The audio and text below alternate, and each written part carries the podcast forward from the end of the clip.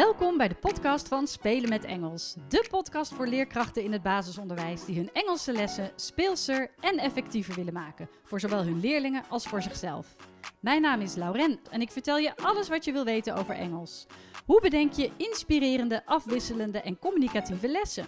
Hoe zorg je ervoor dat al je leerlingen betrokken zijn en blijven? Hoe wordt en blijft Engels een vast onderdeel van jullie onderwijsaanbod? Kortom, alles wat je wil weten over Engels op de basisschool. Ik wens je veel plezier met luisteren.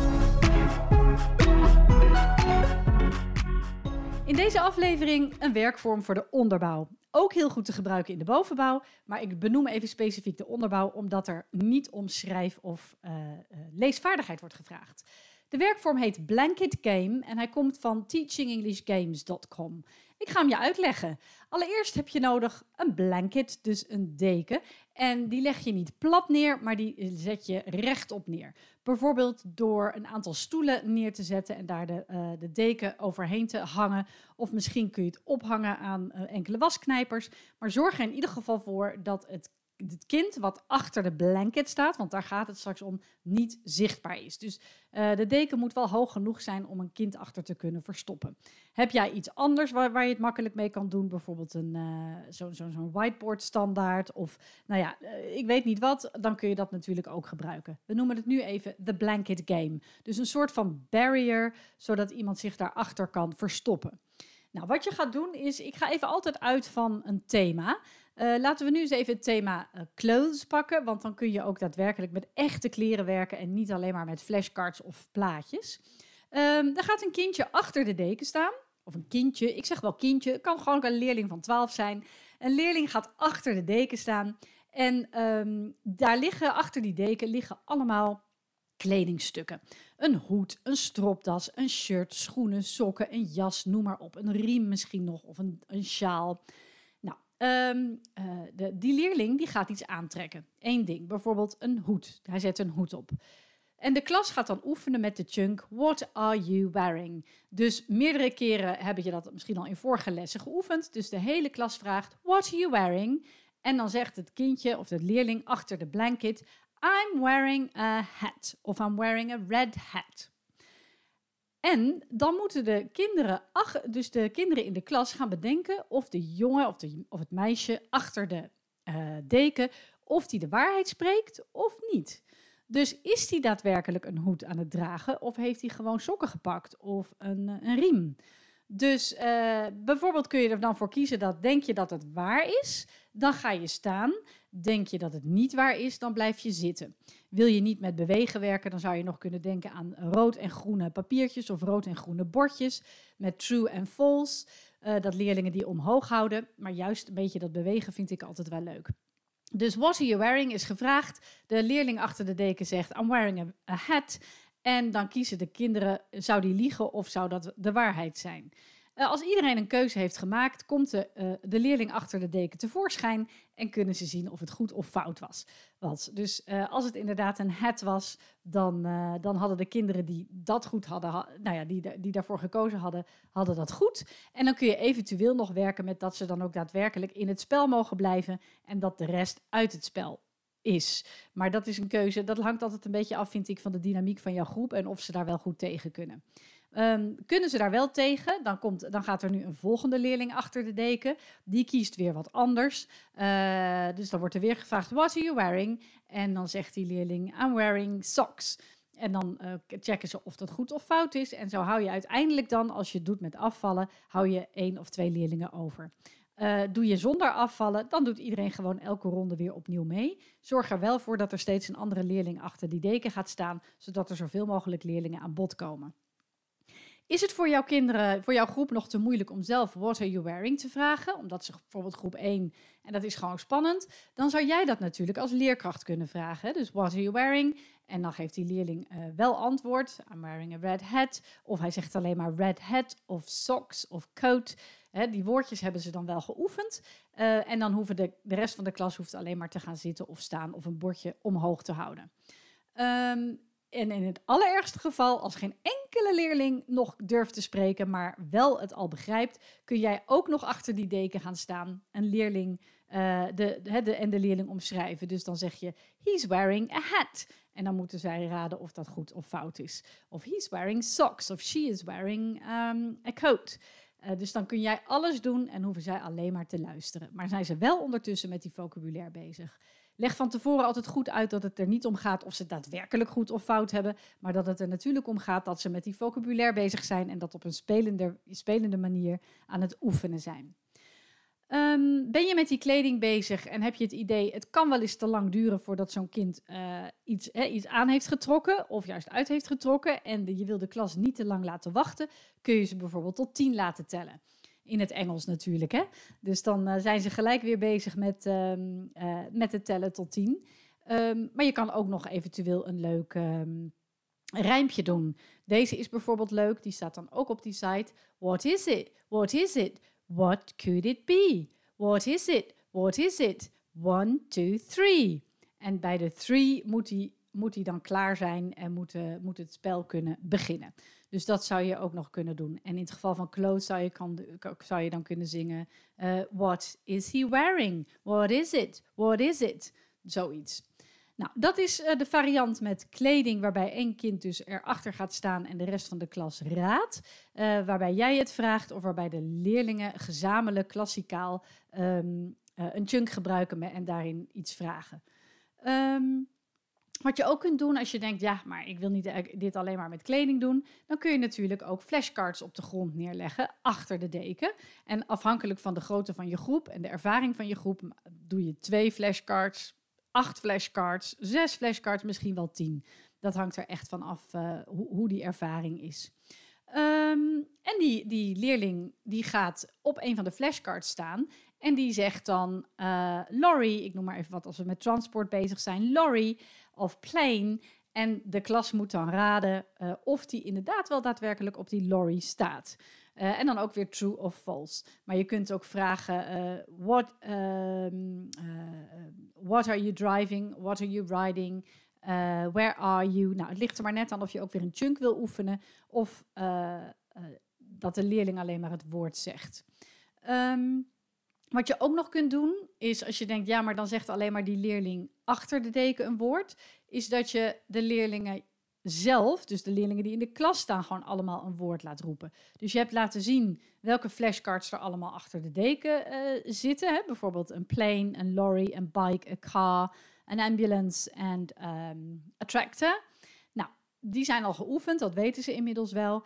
En dan mogen de leerlingen gewoon allemaal door elkaar roepen. Als jij bijvoorbeeld aftelt, 1, 2, 3. En dan mogen ze allemaal een woord roepen. Lorry, train, tractor.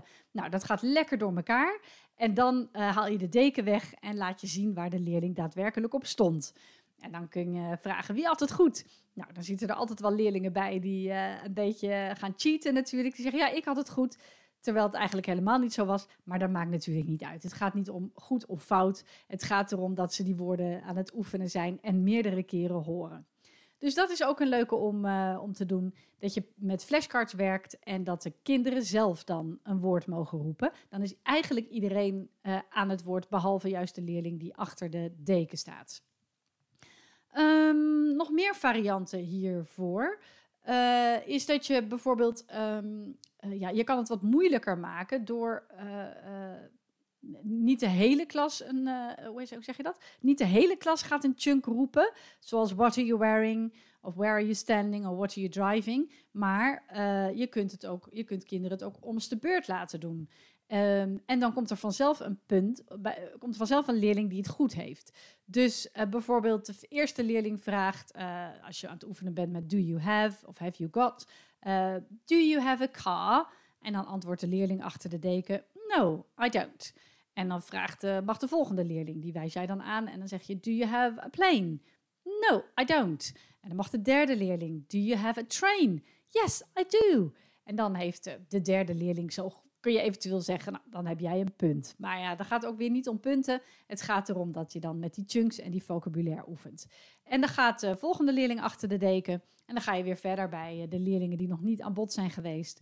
Um, en afhankelijk van de chunk. Hè, dus, dus do you have um, a train? Do you have a hot air balloon? Net zolang totdat hij zegt, yes, I do. En natuurlijk is de bedoeling dat de leerling achter de deken dan niet stiekem gaat verplaatsen. Dus dan komen de leerlingen ook weer aan bod, maar moeten ze ieder afzonderlijk ehm, een vraag stellen. Is een vraag stellen nog te moeilijk, kun je natuurlijk ook weer gewoon werken met een woord. Dus niet do you have, maar gewoon car of train of plane en dan yes of no. Dus ja, ook dat kan weer zo, ja, je kan het altijd zo, zo makkelijk aanpassen naar het niveau van jouw eigen groep. Ehm, nou, dat, dat zijn uh, enkele dingetjes die je kunt doen met de blanket game. Um, en wat ik had, ik had nog wel wat andere dingetjes bedacht, maar ja, dan doe ik dat weer zo spontaan in één keer opnemen dat ik dat dan weer vergeet. Uh, even kijken hoor, want het zou zonde zijn als ik, dan, uh, als ik dat inderdaad dan uh, vergeet. Ja, even nog ten, wat andere voorbeeldjes, dat is misschien wel handig, is dat je behalve woorden, je kunt natuurlijk ook werken met, je kan het veel ingewikkelder maken. Dus in de bovenbouw kun je bijvoorbeeld vragen, heb je het over countries bijvoorbeeld, en je hebt verschillende flashcards of alleen woorden, hè, in bovenal kun je ook alleen met woorden werken, woorden neergelegd. Dan kun je vragen, are you in China of are you in France? Maar je kan ook vragen, are you Chinese? Are you going to China? Have you ever been to China? Did you go to China? Um, nou, dus dan kun je heel erg ook de, de grammatica erin verwerken en verschillende werkwoordsvormen. Uh, wil je niet vragen stellen, kun je het ook gewoon zonder vraag doen door te vragen, door te zeggen: uh, You are in China, you are Chinese, you like China, you speak Chinese. Um, dat soort dingen. dus dat, is, dat zijn volgens mij eigenlijk alle dingen wel die ik had met de blanket game. Ik denk als je hem eenmaal hebt hangen, dat je zelf nog andere varianten misschien wel kunt verzinnen. Uh, je kan er natuurlijk ook twee leerlingen achter stoppen, maar je moet wel oppassen dat ze dan niet een beetje gaan lopen geinen. Het moet wel een beetje serieus blijven. Maar um, ja, dat, eh, de, het is wel handig als je daar verschillende varianten mee verzint. Dus als ze met z'n tweeën achter zo'n deken staan, kunnen ze bijvoorbeeld een heel kort twee zinnetjes zeggen. Bijvoorbeeld hè, dat de een zegt... I'm wearing a hat. En die ander zegt, I'm wearing socks. En ja, hebben ze dan allebei gelijk of allebei niet? Of is het dan true of false? Dus uh, daar kun je ook weer allemaal ja, varianten op bedenken. Als je dan toch met die blanket bezig bent uh, en hij staat uh, nu verticaal, maar je kunt hem natuurlijk ook horizontaal gebruiken en daar voorwerpen onder verstoppen. Um, je laat de voorwerpen eerst zien aan kinderen, bijvoorbeeld vijf tot acht of misschien wel tien voorwerpen. Dan gooi je de deken eroverheen en dan moeten kinderen raden wat er ook alweer allemaal onder die deken zat. Dus welke voorwerpen hebben ze nou gezien? Dus dan mogen ze bijvoorbeeld uh, 30 seconden er lang er naar kijken. Dan leg jij de deken eroverheen en dan vraag je een leerling, what did you see? Nou, die zegt bijvoorbeeld, um, even kijken hoor, een pencil. En dan kijk jij onder de deken, yes, that's right, a pencil, here it is. En dan een andere leerling, what did you see? Hmm, um, a book. Of I saw a book. Ook weer afhankelijk van het niveau van de kinderen. En jij kijkt onder de deken, that's right, there's a book. En iemand anders zegt bijvoorbeeld, uh, a stapler. Nou, kijk jij weer onder de deken. No, there's no stapler under the blanket. En zo ga je dus één voor één die voorwerpen af. En uh, ja, misschien lukt het wel om alle voorwerpen te bespreken. Misschien blijven er een paar over. En dan haal je de deken eraf en dan zeg je: These ones, we missed these ones. Look, there's a hole punch, of a ruler, of an eraser, whatever. Dus die blanket kun je ook op die manier nog gebruiken. En heb je geen voorwerpen, dan kan dat natuurlijk ook weer heel goed met flashcards of memorykaartjes. Um, nou, dat, waren, dat was eigenlijk de blanket game. Ik denk dat het een hele leuke manier is om spelende wijze de vocabulaire te oefenen. En om kinderen, uh, juist ook als ze het spannend vinden om alleen aan het woord te zijn, om echt klassikaal iets te doen. Dat is dan toch een stukje veiliger. Um, en ja, je kan ook nog, als die deken dan toch nog verticaal staat, uh, eventueel een kort uh, poppenkastje spelen. Of, of wat ook nog een leuke is, is een voorwerp dan heel langzaam tevoorschijn laten komen. Dus steeds een stukje meer. En dat kinderen dan mogen roepen wat er tevoorschijn komt. Dus als die kleding daar toch al ligt, laat dan heel langzaam bijvoorbeeld uh, de riem omhoog komen. En dan roepen ze belt of een, een hoed. Maar ook dat kan weer met flashcards. Hè. Dus laat heel langzaam een flashcard tevoorschijn komen. En kinderen roepen dan welke flashcard het is. Nou, dat zijn volgens mij genoeg varianten op de blanket game. Ik hoop dat je daar uh, wat leuks mee kan doen en gaat doen. Uh, eigenlijk, ik zei wel werkvorm voor de onderbouw, maar eigenlijk dus ook heel goed te gebruiken in de bovenbouw. Dankjewel voor het luisteren en tot de volgende podcast. Wat leuk dat je luisterde naar deze podcast. Heb je nog vragen? Bijvoorbeeld over het voorbereiden van een les, het uitvoeren van een werkvorm of over Engels bij jou op school? Of wil je misschien meer weten over de studiedagen, de online cursussen en het lesmateriaal dat Spelen met Engels verzorgt? Je kunt me altijd mailen op info@spelenmetengels.nl. En ook op de website, de Facebookpagina en het Instagram-account vind je enorm veel inspiratie. Het is mijn doel om alle leerkrachten in het basisonderwijs met plezier hun Engelse lessen te laten voorbereiden en te geven. Dus als je deze podcast zou willen delen met collega's of op social media, dan stel ik dat enorm op prijs. En vergeet dan niet spelen met Engels te taggen.